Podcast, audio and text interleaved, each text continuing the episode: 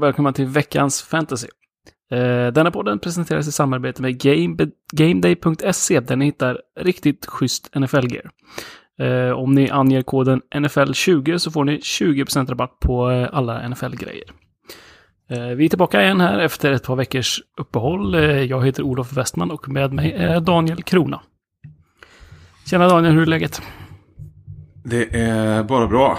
Det har varit väldigt mycket fantasy även om det inte har varit i poddform eh, här.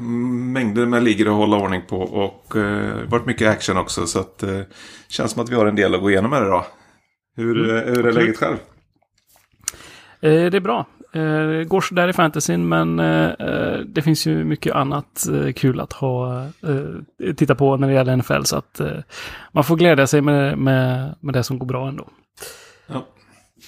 Jag tänkte så här innan vi drar igång så ska vi berätta om våran Patreon. Eh, som ni hittar på patreon.com NFL-supporter. Där har eh, Magnus och Lasse dratt igång med en, eh, smugit igång med eh, årets draftbevakning redan nu.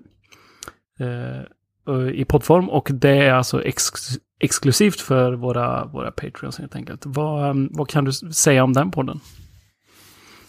Eh, ja, du har kommit första avsnittet här nu där det gås igenom Giants och deras draftbehov och möjligheter. Eh, och de verkar riktigt taggade för, för detta.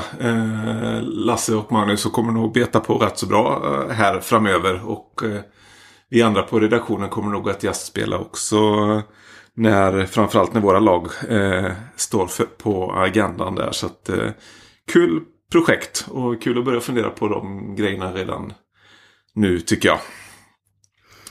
Mm, som sagt, det är många lag i NFL som, som går ganska dåligt så det är inte konstigt att eh, det är många som är intresserade av att titta mot draften redan nu. Så eh, är du intresserad av eh, hur draften kommer att se ut, in på patreon.com NFL-supporter och stötta oss där så kan ni lyssna på den här podden. Mm. Då får man ju tillgång yes. till eh, våran Slack också om man är Patreon. Eh, där har vi startat en egen eh, kanal just för fantasy fotboll också. Där vi har ganska, eh, ganska livliga diskussioner inför veckorna. Och så det har varit bra, bra fart här tycker jag. Men vi ska köra igång med en... Eh, tänker att det här blir en liten sammanfattningspodd helt enkelt. Hur det har sett ut de första veckorna. Eh, och vilka spelare som har kanske överraskat mest och vilka som har varit lite besvikelse i år. Men... Eh, hur, eh, om vi börjar med dig, hur går det för dig i dina ligor generellt? Eh, har det, är det ett bra år eller hur ser det ut? Nej, det tycker jag väl inte. Det är väl ganska medelmåttigt. Eh, eh så, en hel del spelare som jag trodde på. Jag sög åt mig Preston Williams vart jag han fick chansen eh, i, i draften. Det tycker jag inte har varit ett bra val. Även om Dolphins har varit frejdiga offensivt så, så har han väl inte riktigt kommit igång så som jag hade eh, hoppats. Och eh, nej, överlag varit Eh, ja, medel. Liksom. Ligger 3-3, 2-4, 4-2 liksom hittills in i många ligger. Men eh, det har väl gått, mm. gått helt okej okay idag som jag tycker är de jag satsar mest på i alla fall. Så det får man vara nöjd med. Mm. Eh, du lät själv inte så nöjd i introduktionen här. Har det varit riktigt Nej. motigt eller? Nej, inte riktigt motigt. Det, jag ligger också där och skvalpar i, i, i mitten eh, runt 3-3 i de flesta ligorna. Så att eh, Eh, kanske i den viktigaste ligan så, så säger jag att det eh, hade jag hoppats på betydligt mer. Nu ser det bra ut framöver tycker jag. Jag har laddat upp här lite med lite trades och eh, får jag bara tillbaka Christian McCaffrey här nu så ska väl saker och ting eh, lösa sig i den ligan tror jag. Men eh, ja, mm. Eh, lite kämpigt ändå liksom mot, mot förväntningarna som man hade inför säsongen. Så att... Ja, jag vet vilken liga du pratar om där. Det var, du mm. hade en stark draft. Det såg ju väldigt bra ut. Mm. Ja, vi får hoppas att det ordnar upp sig. Men eh, om vi börjar titta lite på, på de största överraskningarna. Då kan vi väl eh, nämna eh, snubben som tog över efter Christian McCaffrey, Mike Davis. Vad, vad vet du om Mike Davis egentligen? Ja, nu vet man ju en del. Nu har man ju sett honom spela några matcher. eh, Men eh, in, innan han tog över så var det inte ens eh, ett namn som jag kan säga att jag hade hört talas om. eh, Egentligen. Så att eh, jag har imponerat väldigt i Panthers. Och eh, de verkar ju köra den filosofin att den den running backen som startar, den spelar väldigt mycket. Han, han får ju mycket jobb och när McCaffrey kommer tillbaka så kommer han väl att eh, försvinna i skymundan igen skulle jag tro.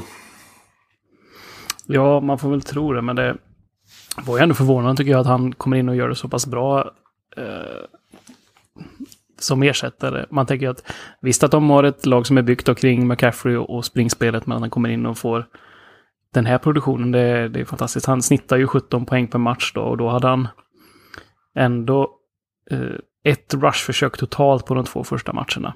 Fångade visserligen Mhm. lite ett gäng bollar i andra matchen där och, och sen fick han ju ta över rejält då vecka, vecka tre. Men, Ehm, ja, verkligen en, en överraskning på alla sätt eh, får man säga. Ja. Har du någon mer eh, överraskning att bjuda på? Eh, ja, James Robinson i Jaguars. Eh, när vi draftade inför säsongen så var väl han en av de som nämndes att han kanske får ta över i eller får ta rollen som första running back så att säga i Jaguars. Men eh, då hade de ju precis tradat bort Fournette. De hade inte riktigt någon aning om vad de skulle göra. Så att han också snittar 17 poäng per match hittills är ju helt eh, otroligt. De som tog en chansning på honom sent i draften har eh, tjänat mycket på det. Mm. Det som man kan säga om båda de här två är att de kommer in just och får också möjligheten i passspelet. En del running Mm. som kommer in och som är lite osäkra kort, de kanske får springa en hel del, men det är ju inte säkert att, alltså det är ju, det är ju tyngre att springa för de här yardsen. Eh, speciellt om man då spelar i en PPR-liga där du får eh, säga, gratispoäng då för även för korta mottagningar. Så de, de får ju ändå, snittar väl ändå 4-5 eh, mottagningar per match nästan, de här två. Ja, och att de får jobba i eh, Red Zone också. Det är inte så att de plockar ut dem när de kommer dit utan de får springa in bollen också. Det är, det är viktigt. Um, om vi fortsätter lite på running back så, så eh, kan väl jag lyfta Miles Gaskin i Dolphins. Mm. Ehm, Dolphins var väl ändå ett lag som eh, inför säsongen som man ändå är lite orolig för. Även om du var hög på press med Williams och Demonte Parker såg ganska bra ut eh, andra halvan av förra säsongen så springspelet var ju fullkomligt bedrövligt förra säsongen. Det var ju, Ja. det måste ju varit ligans sämsta eh, running-attack får man väl säga. Det var ju eh, satsa- Fitz, Fitzpatrick som hade flest eh, rushing yards för Dolphins förra året. Precis.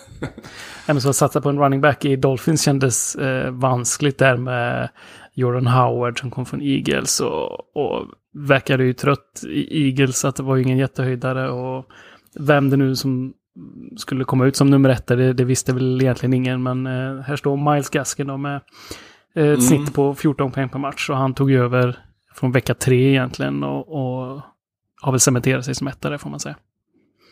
Ja, verkligen. Han är ju totalt dominant nu tycker jag. Breda, Matt Breda får lite, lite mer och mer jobb. Jordan Howard har ju i princip eh, varit helt utanför spel. Han har fått lite carries i endzone eh, de senaste matcherna. Annars är han ju inte med överhuvudtaget. Ehm, om vi tar den sista running back så kan vi väl nämna uh, Darrell Henderson i Rams. Rams eh, Mm. var ju också ett sånt backfield som var lite stökigt inför säsongen. Eh, man inte riktigt visste vem som skulle få chansen. Där trodde man ju att Malcolm Brown skulle vara nummer ett kanske och han fick ju verkligen chansen vecka ett och gjorde det jättebra. Hade väl eh, 25 fantasypoäng eller någonting men vecka två där mot Eagles så, så var det Darrell Henderson som tog jobbet får man säga ur näven på Mm. Brown. Ja. Och han har ju gjort det jättebra. Eh, där också. Det är ju otroligt djärvt gjort egentligen. Att när de har en som har presterat så bra vecka ett. Att de ändå ser en som har större potential i i Henderson där. Det är ju snyggt gjort av McVeigh och, och eh, company. Och eh, den som vi de flesta trodde på i eh, Rams offense inför säsongen var ju rookien K-Makers där. Han har inte riktigt kommit till spel ordentligt än där. Så att får se vad det blir av honom egentligen. Mm. Yes, eh, ska vi titta på lite receivers? Mm. Har du Absolut. någon eh, som du känner har överraskat dig? Eh, ja, uh, Kevin Ridley i Falcons eh, har verkligen överraskat på, på mig. Visst att man tänkte att Falcons kunde ha ett, ett bra offense så. Men att det skulle vara han som så tydligt uh, leverera eh, flest fantasypoäng här under de första veckorna av säsongen i alla fall. Uh, hade ju inte jag trott. Vi- Visserligen kanske lite hjälpt av att uh, Julio Jones har eh, varit eh, lite skadad. Eh, så, men han, eh, han har varit riktigt bra, eh, Ridley. Eh, Mm. Överraskande. Mm. Ja, men det, det är kul att eh, någon får lyckas då när Falcons går så dåligt. Att, eh, de har något att glädjas åt, Ridleys fantasyproduktion. Mm. Mm. Du, om jag säger Stefan Diggs i Bills, vad, vad tänker du då? Ja, det har, han har överraskat på mig i alla fall. Jag tyckte det var jättekul eh, att de tradar för honom och att eh, han är en otrolig route runner med och bra på separera och så. Det, det visste jag ju, men eh, sen har han ju tillsammans med Josh Allen egentligen tagit det till en oväntad nivå eh, och har varit grymt bra. Jag tror han är tvåa i receiving yards totalt eh, än så länge under eh, säsongen och får eh, en hel del eh, att göra i, i red zone också. Så att han är ju en poängmaskin eh, även framöver. Det, det tror jag absolut. Han var ju bra i Vikings ska jag säga, så det är ju det är Ja. inte konstigt att han är eh, bra här också, men att han är... Nu levererar han ju på en... eh, Man kan väl nästan säga topp fem i ligan här eh, under den första inledningen av säsongen. Ja, precis. Och det var väl många som tyckte att det var märkligt att han kanske egentligen går till en sämre QB-situation. Så Cassins är ju... Ja, han se- ses ju som lite stabil i alla fall får man, väl, får man säga. Även om han inte har varit det i år nu då. Så, men inför säsongen så, så eh, var det nog många som eh, tyckte det såg lite konstigt ut. Så att så sett är det en väldig överraskning. Eh, en annan som kom lite från ingenstans och har tagit ligan med storm är ju Robbie Anderson. Han eh, gick ju från Jets och hamnade till slut i Panthers. Han fick ju inte något speciellt stort kontrakt. Han fick väl strax över miljonen tror jag. Mm. Eh, och har ju eh, presterat som en galning där. Han, han är ju också med i toppen här på, på antal receiving yards. Så att eh, han, han var ju känd som en liten sån eh, big play-snubbe som, som plockar många långa, eller få långa spel ska man säga. Men det känns som att han Mm. en helt annan stabilitet och fått en, en större roll i det här offenset än vad han hade i möjligheten till i Jets. Så att säga. Ja, eh, verkligen. Och det är väl ytterligare en i raden där av gamla Gays, eh, Adam Gaze-spelare som blommar ut när de slipper honom. Eh, Där får man ju säga, han lyser ju av självförtroende. Mycket, mycket tuffa mottagningar han eh, gör. Han har sett honom göra ett par stycken enarmsmottagningar ut med sidlinjen och, och sådär liksom. Det är sånt som man eh, normalt ser från de allra bästa. Eh, så det har imponerat. Är det kanske nästa års stora tips då, att alla som lämnar Gaze eller om Gaze då lämnar Jets, då plockar man alla spelare i Jets helt enkelt. Mm. Det ju vara- känns som att en hel del är på det redan faktiskt. Det var ju huggsexa Mm. efter uh, Le'Veon Bell också nu när han eh, lämnade Jets för eh, Chiefs här. Det är ju naturligtvis uh, kan ju inte bli mycket större skillnad att gå från från uh, Nej. Gaze till eh, Andy Reid istället då. Men eh, Ja, det kan, eh, kan säkert vara en hel del sånt inför nästa år. Man, man eh, rankar upp spelare lite för, bara av Gaze-effekten. här. Um, en annan receiver som har imponerat uh, är ju Justin Jefferson i Vikings. Uh, rookien mm. som uh, man visste att han skulle vara kanske en av de mer stabila rookiesen med, med eh, bra händer, bra route running, men att han skulle vara så här bra och så här mycket stora spel. Han eh, har 15 stycken 15 plus yards receptions. Eh, och det är han tvåa med efter bara Calvin Ridley som har fler sådana stora spel. Så att eh, ehm, tror du att eh, Justin Jefferson är på, på riktigt? Ja, det tror jag. Det trodde jag inför eh, säsongen också. Men jag tänkte väl att det skulle kunna få ta lite tid. Men eh, ja, om man med, med tid menar två veckor så eh, har han ju verkligen varit igång sen, sen dess. Imponerat. Och det kan man väl nämna Chase Claypool i Steelers i samma andetag där. De, de två är väl de mm. som har imponerat mest och är sådana riktiga fantasy-liga-vinnare eh, den här säsongen. Sådana som kan sätta upp helt plötsligt 35-40 poäng i eh, en vecka liksom. Eh, helt, helt sjuk produktion. Mm. Jag ska även nämna CD Lamb i den, i den en trio där. Han har också presterat väldigt bra. Eh, mm. Återstår väl att se där också vad som händer nu när Dak har lämnat. Såg ju inte jättebra ut här i första matchen utan Dak. Så att, eh, men, men ändå tre receivers som har, verkligen har presterat här eh, direkt i sina NFL-karriärer. Vilket ju inte är jättevanligt ändå får man säga. När rookie receivers kommer in. De brukar ju behöva ett år, en säsong på sig och, och mogna till sig så att säga. Tuff position. Mm. Eh, sen är jag väldigt överraskad över DK Metcalf också. Eh, eller väldigt överraskad. Visst man väl att han är att han är skitbra så. Men han har ju tagit det en nivå till. De har ju eh, en galen receiver duo i Seahawks där. Där vem som helst av dem kan sätta upp ordentliga fantasypoäng varje vecka nu. Mm. Eh, det jag kände när DK Metcalf kom in i ligan var väl att man visste att han skulle vara stor och stark och snabb.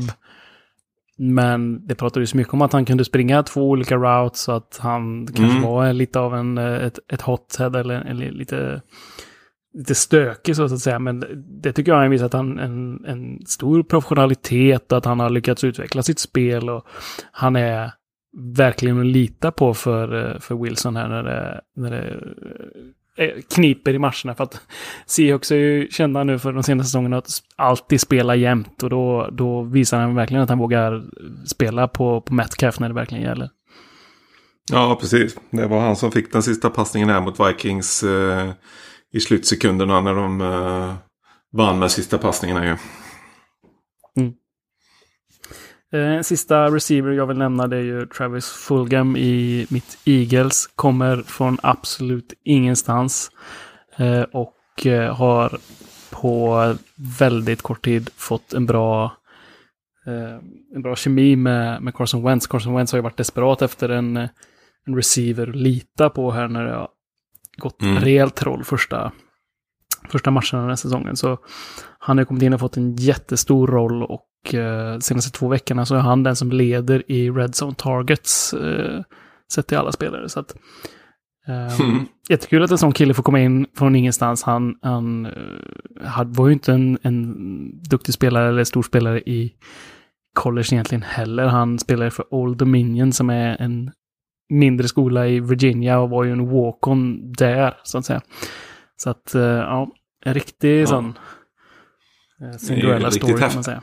ja, riktigt häftig resa får man säga. Och det, det som är kul med, med honom också är, som du var inne på där, det är ju eh, volymen han har haft där liksom. Det har ju varit helt otroligt mycket targets och uh, inte bara ute på plan som sagt utan även i red zone. Och ofta när man ser någon sån här undrafted rookie eller så som gör ett uh, gör lite väsen kring sig i fantasy så är det för att han har liksom lyckats göra två touchdowns på tre mottagningar i någon match och sen tror alla att eh, det är liksom nästa ligavinnare här. Men det här är ju verkligen en som, som kan vinna fantasyligor och som, som kommer bli att räkna med för Eagles framöver. Mm. Uh, det är kul, kul att ni, ni hittade en sån där. Mm, jag tänker ju så här att även om Eagles får tillbaka lite spelare här framöver så kommer han nog fortsatt vara en, en stor del av offense. Speciellt nu när han, Wentz verkligen ser ut att lita på honom så att säga. Det är något Wentz har sökt efter den här säsongen. Ja. Mm. Eh, Titans, har du några att bjuda på? Eh, ja, över, överraskningar på Titan-sidan är ju Tonjan i Packers som jag inte hade mm eh, heller någon koll på eh, tills för några veckor sedan. Eh, och vi får se lite vad, eh, vad vi får ut av honom på sikt här. Men han är ju definitivt en eh, spelare som Aaron Rodgers tittar på i, eh, i Red Zone. Så att eh, han, eh, han är ju ett riktigt bra fantasyspel eh, eh framöver också. Känns det som. Mm. Eh, annars har inte jag sett så mycket på den som har eh, tagit mig med storm. Har du sett något mer som du tycker har varit överraskande positivt? Jag skulle väl ändå kunna säga eh, Jonas Smith i Titans som eh, Eh, har presterat väldigt bra och är väl eh, nummer fem tror jag på talentsidan när det gäller fantasyproduktion. Um, mm. Och det trodde man inte att han skulle vara så högt, att han skulle kunna vara en eh, topp 10-spelare, absolut. Men, men att bryta sig in i topp 5 här eh, bakom eh, de stora namnen, så att säga, det, det trodde man väl inte riktigt. Så att, eh, det får man väl ändå säga är en liten överraskning. Mm. Ja, jag håller med. Mm. Um, quarterback-positionen eh, är ju alltid lite... Eh, känns lite statisk i fantasy i alla fall. Man, man får ganska eh, stabil produktion från de flesta quarterbacksen och de hamnar runt 15-20 eh, poäng där någonstans. Men det är ändå några eh, här som man kanske inte riktigt trodde skulle vara med eh, på det sättet. Jag kan väl säga Josh Allen i, i ditt Bills är väl en sån mm. som har verkligen höjt sig en nivå den här säsongen och ser ut att uh, ha hittat den här liksom, det är inte bara några matcher som han har på utan nu är det en, en ny nivå vi ser liksom. Ja, det är det ju. Eh, hans fyra första matcher var ju otroligt eh, bra. Och det som har överraskat mest har väl varit att eh, det har varit just i passningsspelet som han har fått så mycket fantasyproduktion. jag var ju rätt så hög på honom i fantasy inför den här säsongen. För att jag tänkte att han kommer springa ganska mycket och han kommer göra en hel del touchdowns med fötterna. Och sådär. Men eh, det har ju varit passningar för touchdowns och eh, passningsyards som har stått för nästan all eh, hans fantasyproduktion här hittills. Så det har verkligen imponerat. Mm. Eh, Någon annan? Eh, ja, så det är lite Eh, tvärtom där då, eller så. Det är en som jag också trodde skulle göra mycket med fötterna och som faktiskt har fortsatt göra det också är ju Kelly Murray i, i Cardinals då.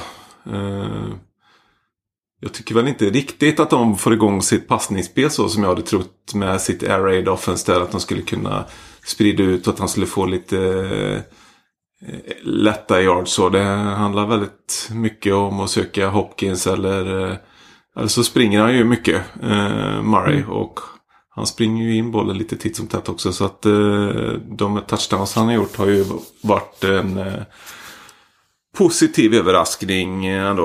Och gjort att han har eh, lite högre tak än jag hade räknat med. Mm. Jag tror att eh, om man tittar på antal yards så eh, landar han någonstans som running back 18 i ligan. Mm. Och det, det säger väl en hel del att då behöver man inte passa supermycket för att ha en bra fantasyproduktion på det så att säga. Nej, precis. Nej, det är ju en bra, skapar ju en bra grund att stå på för fantasypoäng där. Mm. Jag kan dra tre eh, till lite snabbt här. Jag tycker ju Fitzpatrick i Dolphins har eh, eh, överraskat eh, hittills. Nu blir han ju av med jobbet här till Tua Tagovailoa och eh, var ju otroligt ledsen här såg man intervjuerna. Och det, det är synd mm. att se. Fitzen har ju... Eh, man vill ju att han ska, han ska få ha det gött och få spela och, och ha det kul liksom. Men eh, det har ju faktiskt varit en riktigt stabil fantasy quarterback eh, hittills. Ja, verkligen. Han har ju inte gjort några misstag egentligen. Det är det som brukar sänka honom. Men mm. eh, det har inte varit eh, särskilt många interceptions. Och Eh, varit effektiv i, i Red Zone och så. Det, det var lite so sorgligt nästan. Jag trodde att han var... Att det här var något som var förbestämt att Tua skulle ta över nu efter deras bye week eh, här. Och, mm. Men av de grejerna som man har läst idag här nu så känns det som att han verkligen blev tagen på sängen med det här. Han hypade upp Tua när han fick komma in och ta några snaps här mot Jets. Eh, men då gjorde han nog det med tanken att han skulle vara tillbaka och spela nästa gång. Så det... Mm. Ja, lite tråkigt. Men eh, mm. kul för Tua det är klart också. Han har ju också en eh, rätt häftig eh, story och rätt häftig väg till, till den här möjligheten. Mm. Ja, när Fitz har fått smälta det lite så kommer han ju säkert vara en ypperlig eh, lagkamrat. Det tror jag ju framåt. Ja, det eh, tror jag. Han har ju räknat med detta såklart att det ska ske förr eller senare. Ja. Vi kan väl nämna Cam Newton också har gjort det bra hittills. Eh, den i, i um, Patriots som man kan lita på. Han tar ju sina poäng på backen och även Justin Herbert som ju lite oväntat där fick eh, chansen att starta ganska tidigt för Chargers har ju också gjort det väldigt bra på de matcherna ja. han har fått spela. Väldigt bra. Eh, ska vi titta på andra sidan, sådana som kanske har eh, gjort oss lite besvikna. Mm. Eh, har du någon du vill, du vill börja med? Eh, ja, eh, jag hade väl eh, trott på lite mer från eh, Kenyan Drake. Eh, och det vet jag fler som hade gjort. Eh, var väldigt höga på Erasmus. honom inför, inför säsongen. Och han kom väl igång lite här nu mot Cowboys. Men vem gör inte det? Liksom, så att jag, jag, vet inte riktigt vad vi har där framöver. Ehm, nej, han eh, får nog lyfta sig ett, eh, ett snap. Mm. Um, om jag ska Eh, titta lite bredare så, så kan väl jag nämna två backfields som jag uh, har varit lite besviken på. Det är kanske inte helt oväntat. Uh, Lions running backs som mm. är återigen är stökiga. det kom ju Adrian Peterson in och startade först men och såg väl ganska bra ut eh, första matcherna men har ju falnat lite där i den glöden och eh, nu ser DeAndre Swift ut att gjorde en bra match senast. Men eh, ja, det, det, är stökigt där och det, det, går inte att lita på någon i den backfielden skulle jag säga. Förrän någon har satt ihop en, en tre, fyra bra matcher på raken. Nej, precis. Det är väl Swift som man skulle kunna gamla på lite där om man nu ska behöva göra någonting. Eh, mm. Så, så här långt in i säsongen så det är klart att det är honom de kommer satsa på i så stor utsträckning som möjligt i och med att de draftade honom tidigt inför den här säsongen och nu när han har visat framfötterna här så, så är det väl möjligt att han får mer att göra men det går inte, det går inte att lita på det. Men eh, bra, en bra chansning eh, så här långt in i mm. säsongen. Eh, sen är det också Niners backfield. Där eh, handlar det ju till mångt och mycket om skador som har ställt till det väldigt. Men Eh, man har ju lärt känna Niners och eh, känna hans eh, offensiv som ett riktigt running back offense och, och, det är väl inte någon egentligen som har kommit oskadd där ut. Så att eh, har man investerat i, i running backs där så, så har det varit en, en tråkig syn hittills. Ja, nu är folk galna i Jamichael Hasty här den här veckan. Vem är det liksom? Mm. Eh, känns inte, kan ju funka, inte stabilt. Nej, kan det göra. Mm. Det är väl lite samma, samma visa i Patriots uh, backfield. Uh, där egentligen med skador och uh, olika gameplans som gör att man blir helt tokig i förväg. Liksom är det Harris, är det Michelle, är det White eller helt plötsligt så kommer Lasses eh, favorit där som jag fasen aldrig kommer ihåg. Burkhead. Burkhead. han kommer in helt plötsligt och sätter 35 poäng i en match där ingen knappt vet om att han ska starta. Liksom. Eh, Försvinner lika snabbt sen. Ja, det är ju det liksom. Det är otroligt svårt. Så har det varit i många år. Ändå så... Man vet ju att de ska ha ett rushing eh, offense som är starkt och leds av Cam Newton och sådär liksom. Men det går ju ändå inte pricka rätt. Mm. Jag är ju lite besviken på Miles Sanders i, i Eagles. Han draftades ju högt när man draftade honom eh, inför årets säsong. Men där är det ju också eh, skador som spelar in. Men det är ju framförallt på Eagles O-line som har trasat mm. sönder på, på alla sätt. Man är ju nere på sin eh, nummer tre på eh, left tackle, nummer tre på right tackle, nummer tre på right guard, nummer två på left guard. Men kvar står Jason Kelsey på centerpositionen eh, stark i alla fall. Mm. Så han, han har ju han har ju haft möjligheten också. Han hade ju två stora spel som han... Eh, den ena reception han skulle ta emot så, så vände han sig åt fel håll först och fick vända tillbaka och då blev han lite bortkollrad och missade en touchdown. Och sen hade han en lång run där han eh, famlade bollen eh, tre yards från ja, endzone. Där eh, Rathega Whiteside kommer och plockar upp den istället. Så det var ju många som hade Sanders där som blev väldigt snopna kan jag tänka mig. Ja, det är ju typiskt fantasy spel. Eh, det där det var samma i matchen mellan Chiefs och eh, Bills här senast när eh, ehm, Edwards Hilaire sprang in en touchdown. Och så blev jag tillbaka kallat för en holding och så på nästa spel så passade de in till Kelsey istället. Och så var det en massa mm. spelare som hade Edwards Hilaire och mötte Kelsey i fantasy och sådär liksom. Det blir ju, ja, så, så kan det se ut. Mm. Uh, Miles Sanders kommer vi återkomma till när vi pratar lite om skador här senare. Så att, uh, mm. håll utkik efter det. Uh, en annan vi kan säga uh, som man visste väl att det skulle bli stökigt när han fick lämna Jaguars. Men det var ju Leonard Fournette som hamnade i Buccaneers. Har ju inte direkt rosat marknaden även om det har varit någon bra vecka. Men det, det känns också som ett, ett backfield att som är lite stökigt, även om Ronald Jones ser väl ganska bra ut nu de senaste matcherna, eller vad tycker du? Mm, ja, det har varit eh, en överraskning för mig. Jag trodde ju på honom när han kom in i ligan och sen har han väl inte gjort annat än att göra mig besviken. Eh, så i dynastigor och sånt har jag försökt att göra mig av med honom. Men eh, det är ju tur att jag inte har lyckats eller på det, med det på några ställen där. Mm. För nu ser han ju riktigt bra ut. Eh, Fournette, eh, det var väl många som tänkte när han kom till eh, Bucks att eh, nu har Brady fått sin eh, tunga running back här som han har lyckats med så bra med Blount bland annat eh, och så förut. Eh, men han, han är ju inte så bra. Det, det är nog tyvärr så.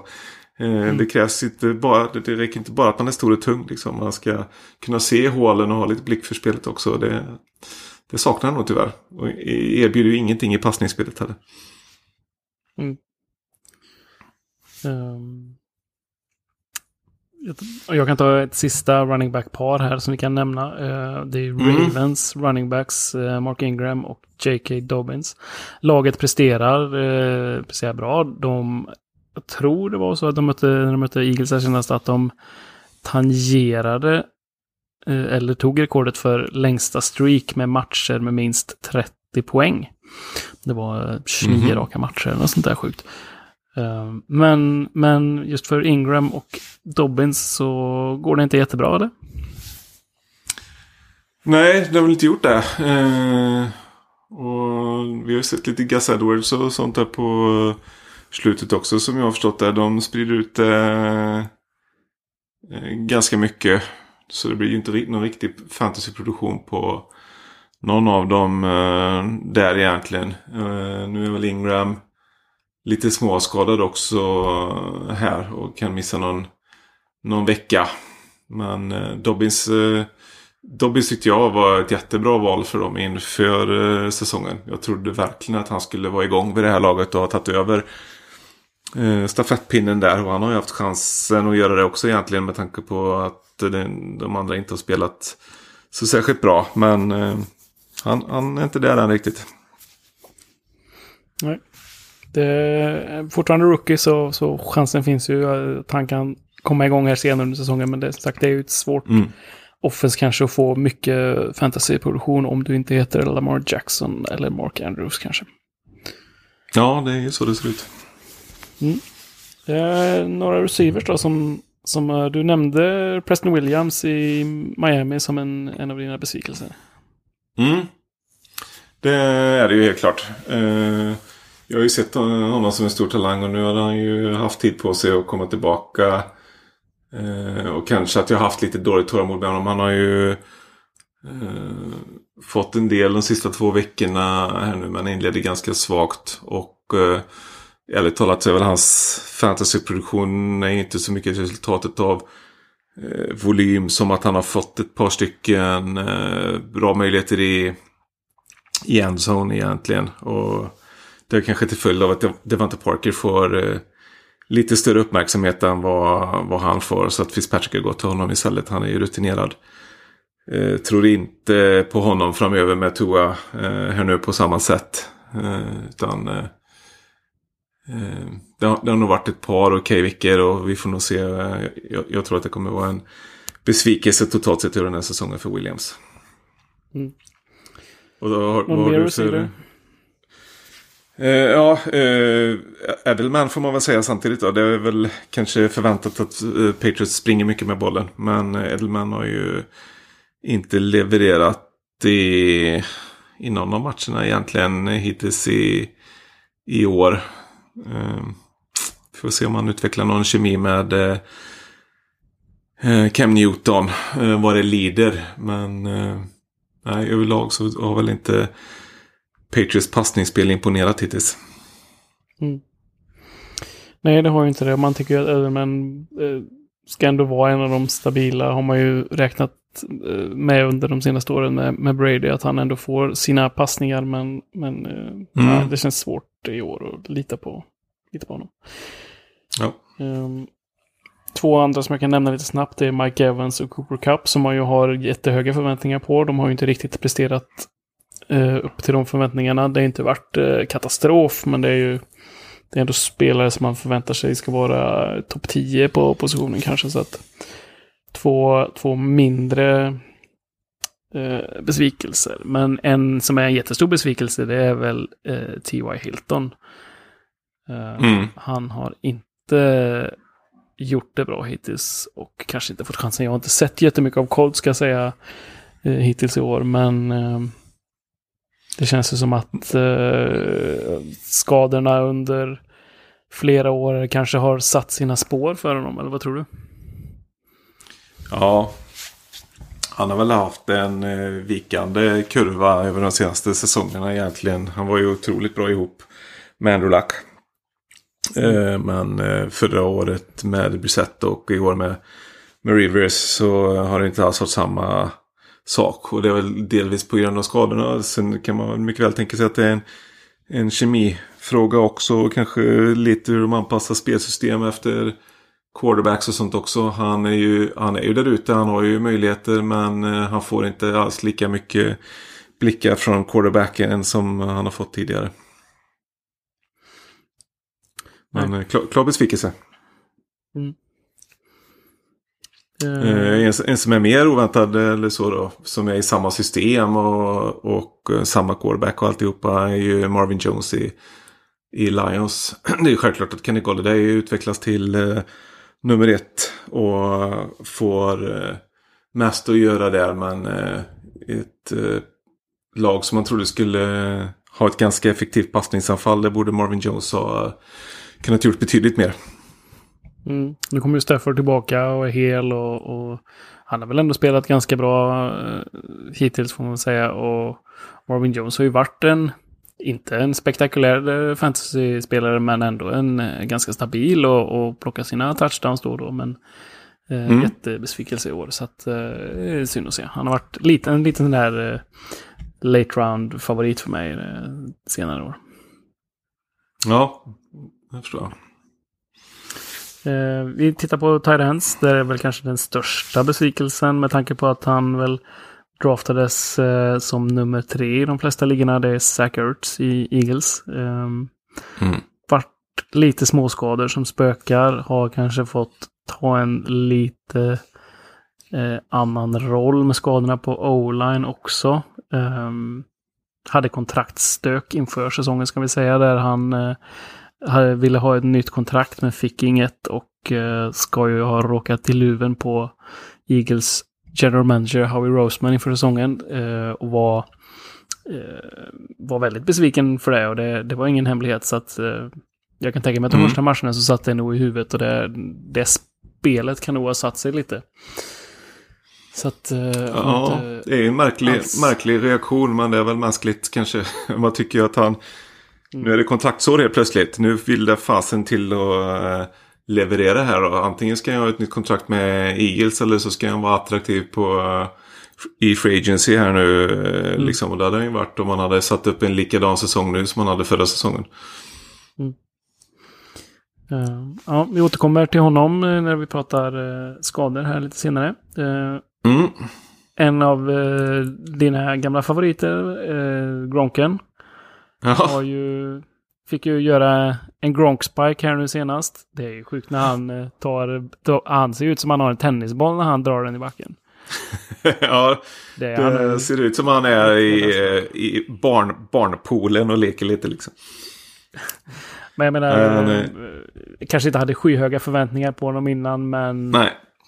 det har ju inte sett bra ut. Eller? Nej, det har det inte. Alltså, eh, han har ju knappt varit involverad i passningsspelet fram tills nu. Eh, så det är väl det som har varit eh, besvikelsen. Då. Sen har de väl säkert haft någon plan med, med det. Men frågan är hur mycket det hade blivit om inte O.J. Howard hade blivit skadad. Han har ju mer eller mindre tvingats involveras i passningsspelet. Men jag tyckte det såg väldigt bra ut senast emot Packers. Och eh, kan absolut se att han kan vara en eh, topp 10 eh, tight end under återstoden av säsongen. Här. Intressant pickup i det här skedet av säsongen tycker jag. Den finns ju tillgänglig i många ligor. Är det någon mer tight end du vill nämna? Ja, jag är sjukt besviken på Evan Engram som jag tycker har potential. Och han har väl egentligen varit skadefri i år. Det har väl inte varit några direkta skadeproblem för honom.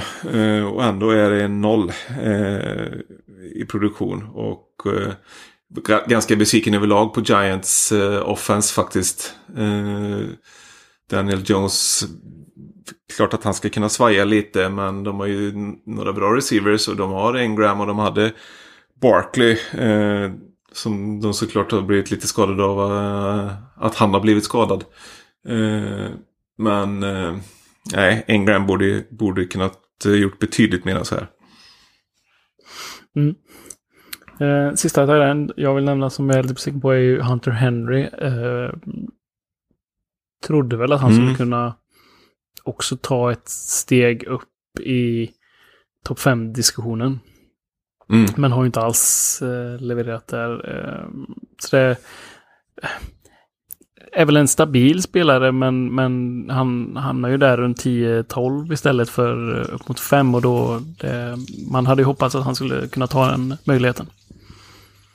Ja, verkligen. Eh, och när eh, det kommer in en ung quarterback eh, här eh, som eh, brukar eh, trivas med eh, eh med tight ends som lite snuttefilt så liksom så trodde jag ju verkligen att det skulle kunna vara bra läge för eh, Henry. Det, det hade jag väl inte trott med Terry Taylor som eh, quarterback eh, på samma sätt. Men inte, inte ens då har han levererat egentligen. Så att, nej, jag har svårt att se att han har något att komma med framöver heller. Vi går vidare till eh, quarterback-positionen. Ehm, kanske lite kontroversiellt första namn, men jag vill ändå säga Lamar Jackson som en, en besvikelse hittills om vi tittar till fantasy. Mm. Ehm, med tanke på att han draftades som nummer ett eller två i de allra flesta ligor eh, på, på positionen så och är väl inte bättre än åtta, tror jag. Mm. Ehm, tror du att han uh, bättrar på sig och, och, och hamnar eh, någonstans där topp fyra till slut? Eller vad, vad ser du framåt? Ja, men det tror jag att han gör. Eh, han har väl varit lite småskadad här nu. Eh, och eh, det har ju varit matcher där de i princip har ja, förhindrat att han ska springa. Eh, eh, han har fått passa bollen och eh, det funkar ju inte alls lika bra. De har fått förlita sig på sitt försvar och lite annan gameplan än vad de är vana vid. Annars eh, känns det som, jag tror när han är hel och fräsch igen så kommer han springa mer med bollen och just i fantasy så är det eh, jättestor betydelse. Så att eh, han, eh, han kommer igång. Har ni någon i ligan som börjar lyssna på Lamar så ska ni absolut eh, trada från honom nu. Mm, det, det håller jag verkligen med Har du någon mm. Eh, quarterback som har eh, svikit dig känner du? Eh, ja, Baker då. Eh, Baker Mayfield. Jag hade ju... Han draftades ju inte särskilt tidigt någonstans. Eh, så det är väl mer person, personligen så liksom. Jag hade verkligen en förhoppning om att han skulle kunna vara eh, en liten joker i år. Eh, Stefanski där, ny headcoach. Eh, lite stabilare offense än vad det var med Kitchens eh, förra året som var en riktig cirkus. Eh, och eh, jag tänkte tänkte egentligen att systemet skulle kunna sätta Baker i en riktigt bra situation. Men han klarar ju inte mm. det riktigt. Eh, han kastar bort för många bollar. Mm. En annan som kastar bort många bollar är ju Carson Wentz. Um, den, som, uh, den som lägger uh, märke till saker märker att det här är den tredje spelaren vi nämner här från Eagles i uh, besvikelsehörnan. Uh, mm. Med all rätt. Har ju kastat, är det åtta eller nio interceptions. Så då, han har ju inte kastat mer än sju interceptions sen sin rookie-säsong. Så de tre senaste säsongerna har han ju landat på sju interceptions varje år. Uh, och kastat mer än, än så hittills nu då. Uh, sagt. Mycket handlar om online, mycket handlar om att de bästa receiversen är borta. Deshaun Jackson, Alshon Jeffrey. Um, och rookien Jalen Rager också borta. Så att har ju inte haft så, så bra hjälp, men har ju inte sett bra ut eh, med, med de eh, parametrarna heller, så att säga. Så att det har ju varit en jättebesvikelse på alla sätt. Ja, rent fantasymässigt så har han väl en uppåtgående kurva ändå. Eh, och börjar mm. få tillbaka lite eh, vapen. Så att eh, det är väl eh, en av, eh, av dem som jag tror har en eh, bra potential framöver och kan vara en sån som man kan plocka upp. Han är ju också mm. tillgänglig i många ligor. Så är det. Eh, kan vi ta en sista liten, en, en sista liten herre där. Eh, Drew Brees har ju inte varit eh, rosat marknaden i år heller får man väl säga. Eh, mm. Det känns lite som att eh, Fader Tid har kommit ikapp honom eller vad, vad tror du? Det, det blir inte så mycket stora spel längre i alla fall. Nej, det blir det ju inte.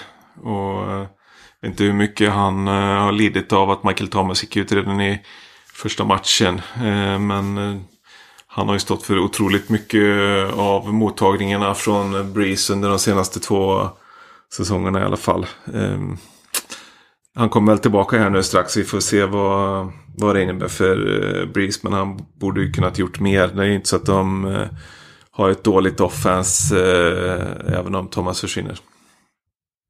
Mm. Um, ja, det var våra överraskningar och våra besvikelser. Jag tänkte vi ska raskt gå vidare. Vi, som vanligt så, så blir våra poddar långa här. Eh, men jag tänkte att vi skulle prata lite om de lagen som är eh, lite avsågade och hur man ska tänka lite kring fantasy-spelarna i de lagen. Mm. Um, om vi börjar med Vikings. De har ju haft en bedrövlig start, har väl ändå i vissa matcher sett ganska bra ut, men, men lyckas ju inte vinna. Skulle du vara orolig för någon av eh, fantasyspelarna i Vikings, eller hur, hur tänker du framåt? Ja, eh, jag tänker så länge de har en teoretisk slutspelschans så kommer de väl att eh, spela för att eh, vinna varje match liksom. Eh, men det är när de här lagen börjar att, att tappa eh, möjligheten att gå till slutspel som de naturligtvis kommer att börja fatta helt andra beslut. Det är en spelare som Dalvin Cook kommer ju ha jättemycket att göra. Eh, men skulle han vara lite småskadad och de inte har några slutspelschanser så kommer de ju ta det säkra för det osäkra. Och stoppa in honom i bubble wrap och, och eh, vänta tills han är helt hundra innan han får spela igen. Och det är väl lite sådana grejer som man får ta hänsyn till eh, framöver här egentligen. Mm. Um, vi har ett annat lag som, som ändå har presterat bra fantasymässigt men som ju inte vinner matcherna och det är ju Falcons. Um, mm. Där har vi ju bland annat i vår reaktionsboll pratat om möjligheten att kanske en sån som Matt Ryan kan vara trade bait här framöver. Mm. Tror du att det kan hända saker i Falcons eller eh, kommer de fortsätta och, och vara stabila på framförallt receiver-positionen? Uh, nej, det, det hänger mycket på det. Jag har ju väldigt svårt att se vilket lag som skulle trada för Ryan nu. Uh, så att uh, min teori är ju att han kommer att vara kvar. Men Eh, vem vet egentligen. Det är mycket osäkerhet kring det mm. naturligtvis. Jag, jag, tror absolut att de kommer spela ut säsongen med, utan, utan att göra några större förändringar. Och kanske låta en ny GM när den nu kommer in få fatta sådana beslut. Det känns ju lite eh, förhastat att göra de eh, grejerna redan nu eh, egentligen. Eh, så jag, jag, tror att Falcons kommer spela eh, en hel del matcher med mycket poäng. Och att de kommer ha en hel del fantasyproduktion eh, fortfarande. Och eh, det är lite samma sak där. Är spelarna friska och hela så spelar de. Annars så kommer det väl säkert att bli en del eh, okända namn som testas. Så att man får se lite, visa upp lite vad man har inför eh, framtiden. Mm ett lag som eh, inte presterar på något håll alls. Vi har ju pratat om Adam Gaze och hans Jets. Um, finns det någon möjlighet att de kommer komma igång bättre och att de kan bli relevanta här? Några fantasy-spelare det är ju framförallt Jameson Crowder i, i, på receiver-positionen för Jets som eh, presterar ganska bra. Men, men finns det något annat att hämta från Jets framöver? Nej, det tror jag inte eh, att det gör. Eh, så har det väl alltid varit i Gays anfall. Att slot-receivern har fått eh, jättemycket. Jarvis Landry var ju en, eh, ett fantasy-monster i eh, Dolphins när Gays var där. Enbart bara på att han fick 12-13 mottagningar per eh, match. Liksom. Eh, och det är ju den rollen som Crowder har nu. I övrigt så tror jag inte det finns någonting. Det skulle vara eh, eh, Michael Pirine, den eh, rookie running backen som skulle kunna överraska och göra något bra. Men vad hjälper det om de inte ens kommer till, till endzone så, så han får springa in några touchdowns. Så att han springer för uh, 100 yards en match är ju ingen uh, jättedominant fantasyvecka precis.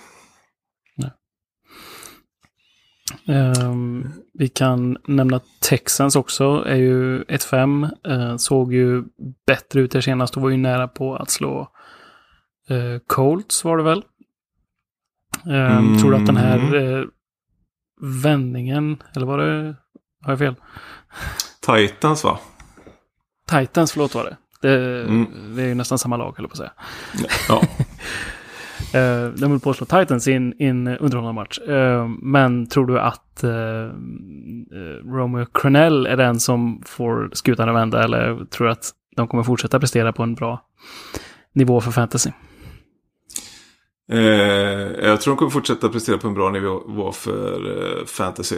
Cronell är nog inte en, spel, eller en eh, en coach med ambitioner om att han ska vara deras eh, framtidsman. Eh, så han kommer säkert att ta en del spelarvänliga beslut. Satsa lite och, och våga lite. Eh, och det är väl positivt ur fantasy-synpunkt. Mm. Eh, vi kan väl lämna de avsågade lagen och titta på mm. lite spelare som har avsågade knän, eller på att säga. Nej. Eh, eh, vi tittar på eh, de skadade spelare som faktiskt har eh, chansen att komma tillbaka. Alltså inte de som har eh, blivit skadade för resten av säsongen, men de som, som, eh, som är på väg tillbaka kan vi säga och se lite vad status är på dem. Christian McCaffrey. När får vi se honom igen? Ja, det, jag såg eh, senaste rapporterna att han förmodligen är tillbaka eh, vecka åtta. Alltså inte nu till helgen utan nästa helg. Eh, då de möter Falcons. Det kan ju vara ett ganska trevligt sätt att komma in i det i, igen. Mm. Kan tänka mig, Falcons har ju gett upp en del fantasypoäng. Eh, en annan som ser ut att vara tillbaka i vecka åtta är ju Dalvin Cook. Eh, de har ju bye week nu i Vikings, så det var ju eh, lägligt. Alexander Mm. Mattison fick ju chansen här senast och rosade ju inte marknaden, men de kom ju ifrån sitt springspel här, Vikings, väldigt snabbt när de hamnade i underläge. Så att det, det är väl bra för Cook-ägarna här att han nog är tillbaka och att springspelet säkert är på banan igen, får vi se. Mm. Absolut. Eh, I Eagles så är det ju Miles Sanders som inte kommer spela torsdagens match. Han åkte ju på en eh, knäskada och ser ut att vara borta åtminstone två veckor. Eh, Mm. om eh, man har tur. Kanske tillbaka redan mot Dallas, men eh, med tanke på Eagles skadehistorik och eh, deras eh, läkarstab så skulle jag väl inte sätta några pengar på det, ska vi säga. Nej. Det kan nog bli veckor moget- än, än de här två man pratar om. Ja, ett moget beslut kan väl vara att kanske eh, vila honom till vecka 10. Ni har ju bara week vecka 9 där i Eagles. Eh, Eh, man kan ju tänka sig att eh, istället för att stressa in honom i alla fall om det är lite questionable inför Dallas-matchen vecka 8 så kan det ju vara smart att eh, ställa över honom och, eh, och låta honom spela vecka 10 istället. Det enda som talar emot det är att det är Dallas som väl förmodligen är de som ni kommer att göra upp om eh, divisionssegern och eh, divisionens enda slutspelsplats med, med här. Ek- Eckler Och- eh, Mm. i Chargers också borta förbi vecka åtta. Eh, verkar som med hans eh, hamstring-skada. Det där är ju Justin Jackson och Joshua Kelly som försöker och sköta det här springspelet medan han är borta. Men han, han saknas ju helt klart. Eh, vad vet vi om Nick Chubb i, i Browns? Han fick en skada på sin MCL. Det är väl eh, något av korsbanden det. Ja, precis. Eh, och eh, det var ju ett tag sedan men som jag förstår så eh, ser det ut som att det kommer vara borta åtminstone till vecka 10. Eh, men eh, det kommer ganska, det, kommer, det har inte kommit rapporter på ett tag om, om det så att eh, man vet inte så mycket hur det går egentligen. Hade ju tur det som klarade sig utan en operation i alla fall. Så det, det är väl någonting positivt. De har ju bye week också här, Browns vecka 9. Så att eh, Mm. har ju möjlighet att utvärdera lite bättre där kanske. Ja, precis. En annan spelare som hade en bye week i rätt tid var väl Keenan Allen här som han åkte på en ryggskada. Var det, var det ryggspasmer vi pratade om där va? Ja, ja, de kallar det spasms i alla fall. Jag vet inte, det låter nästan som att han hade fått lite kramper typ eller, eller så bara. Ja, det det verkar väl inte som att det är något som... Inte ovanligt nej. Eller-? Nej, det är inte helt ovanligt med de här ryggspasmerna för, för kanske lite äldre spelare framförallt. Eh, Ja. Men eh, senaste som sades var att han ska vara tillbaka här nu eh, till helgen. Så att det är väl Mm. bra för eh, Justin Herbert att få tillbaka sitt favorit-target. Ja, absolut. Ehm, Uh, Alan, Alan Lazard. Packers. Ja, han är ju borta till... eh, ja, vecka 10 till 12 är vad jag har sett eh, där. Han gjorde ju en operation så att eh, han har väl lite eh, rehab och grejer att ge sig på innan han är aktuell. Och det, är, inte- det är inte så att han är eh, den här superstjärnan som man väntar på eh, heller. Han har gjort några bra matcher men frågan är vad man får när, eh, när han är tillbaka. Eh, jag har nämnt Eagles många gånger tidigare och nu ska vi prata lite mer om Eagles. Vi kan mm. börja med Ashon Jeffrey som ju missade hela första säsongen med en fotskada. Eh, det var ju egentligen ända fram tills förra veckan som han var borta med den, men var ju på väg tillbaka, men blev sjuk. Inte i covid utan i någonting annat inför matchen mot Ravens och var borta. Och nu har han åkt på en ny skada i vaden. Uh, så jag vet inte fan vad som händer, men någon, något, jag skulle säga att någonting är, kan vara lurigt här med kontraktssituation och annat. Att man kanske medvetet håller honom ute för att kanske lyckas trada honom mm. eller att man inte vill uh, betala på något sätt. Jag vet inte. Det, det någonting känns konstigt i den här situationen skulle jag säga. Det låter lite som det gjorde med A.J. Green förra säsongen i i Bengals där. När, nej, men han ser ut att vara okej. Han kan nog spela när som helst. Och sen så gick det bara hela säsongen utan att någonting hände mm. egentligen. Han var aktiv i truppen hela tiden liksom. Och spela aldrig. Eh, mm. Vet tusan vad, vad som händer där. Deshaun Jackson verkar mm. vara tillbaka nu i alla fall. För eh, mm. Eagles så gör väl... Eh, är det hans första match för säsongen här nu? Eller vad gjorde han, han någon spelade... i början innan han blev skadad? Han spelade i första två matcherna men var ju småskadad under dem också. De, de höll ju honom tillbaka så han fick inte spela jättemycket snaps. Så att, eh, ja. Mm. Vi får väl se. Förhoppningsvis är han ju hel nu då och fått vila sig ordentligt. Men eh, det ser ju ut som att han skulle kunna smälla upp någonting eh, ganska snart igen. Eh, mm. När vi ändå är inne på Eagles så tar vi Tyrensen också då, Zach Ertz och eh, Dallas Goddard. Ertz har ju varit småskadad och åkte på en high ankle sprain.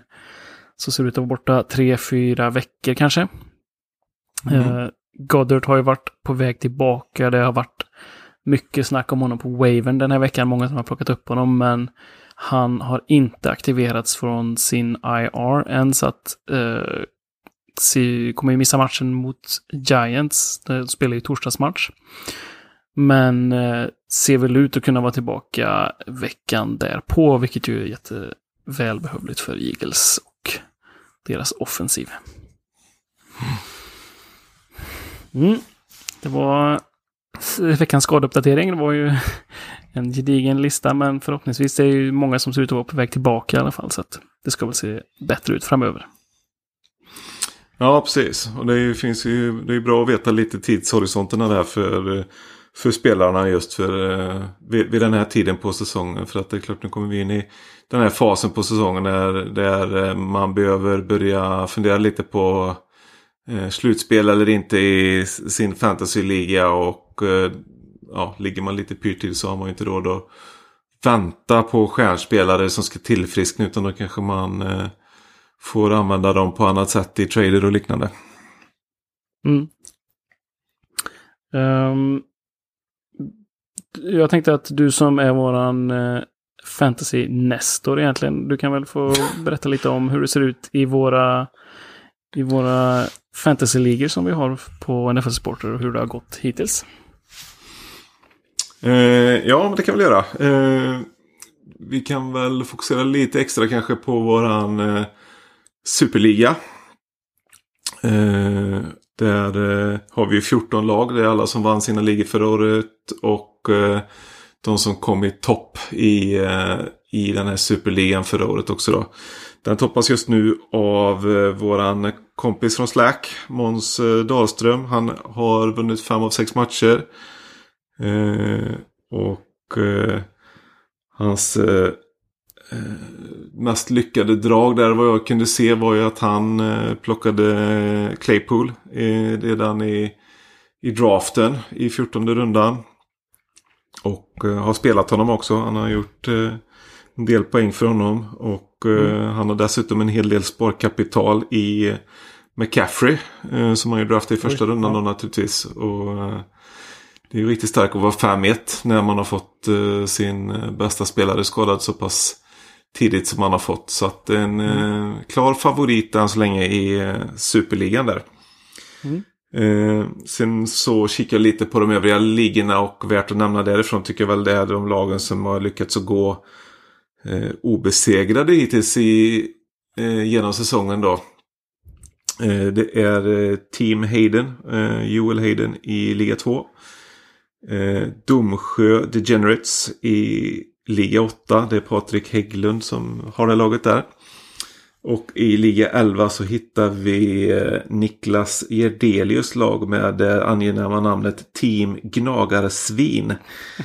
eh, de har ju lyckats eh, gå obesegrade då. Och i övrigt så har det faktiskt inte varit... Eh, det har inte varit särskilt många lag som ens har lyckats med fem segrar i, eh, i ligorna. Det är ganska jämnt rakt över eh, breddet här tycker jag i ligorna. Och det är ju riktigt kul med tanke på att eh, eh slutspelet som börjar vecka 14 i våra ligor eh, innehåller sex lag då. Så det är hälften av alla lag i de här ligorna som går till, eh, till slutspel. Många har chansen fortfarande.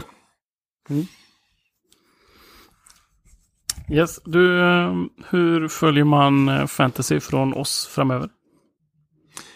Eh, vi fortsätter ju med det som vi har gjort hittills. Vi har ju inte eh, haft möjlighet att vara så frekventa med poddarna. Så att på nflsupporter.se så gör vi istället eh, inlägg varje tisdag. Eh, där vi tipsar om eh, spelare att plocka upp. Summera lite vad som hände under eh, helgen som har gått. Och eh, kika lite på eh, de som har eh, presterat bäst i våra egna ligger också där. Så att eh, ganska heltäckande eh, inlägg varje tisdag som kommer på nflsupporter.se där.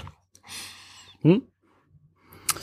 Yes, eh, fortsätt att följa oss på nflsupporter.se eh, alltså. Eh, vi kan väl passa på att tacka alla våra patreons som stöttar oss varje vecka och återigen tipsa om den nya draftpodden som vi dragit igång där som är exklusiv för våra Patreons. Eh, in och stötta oss där och ta del av den. Eh, och glöm inte eh, vår kod på, på gameday.se, alltså NFL20 för 20% rabatt på NFL-grejer från gameday.se.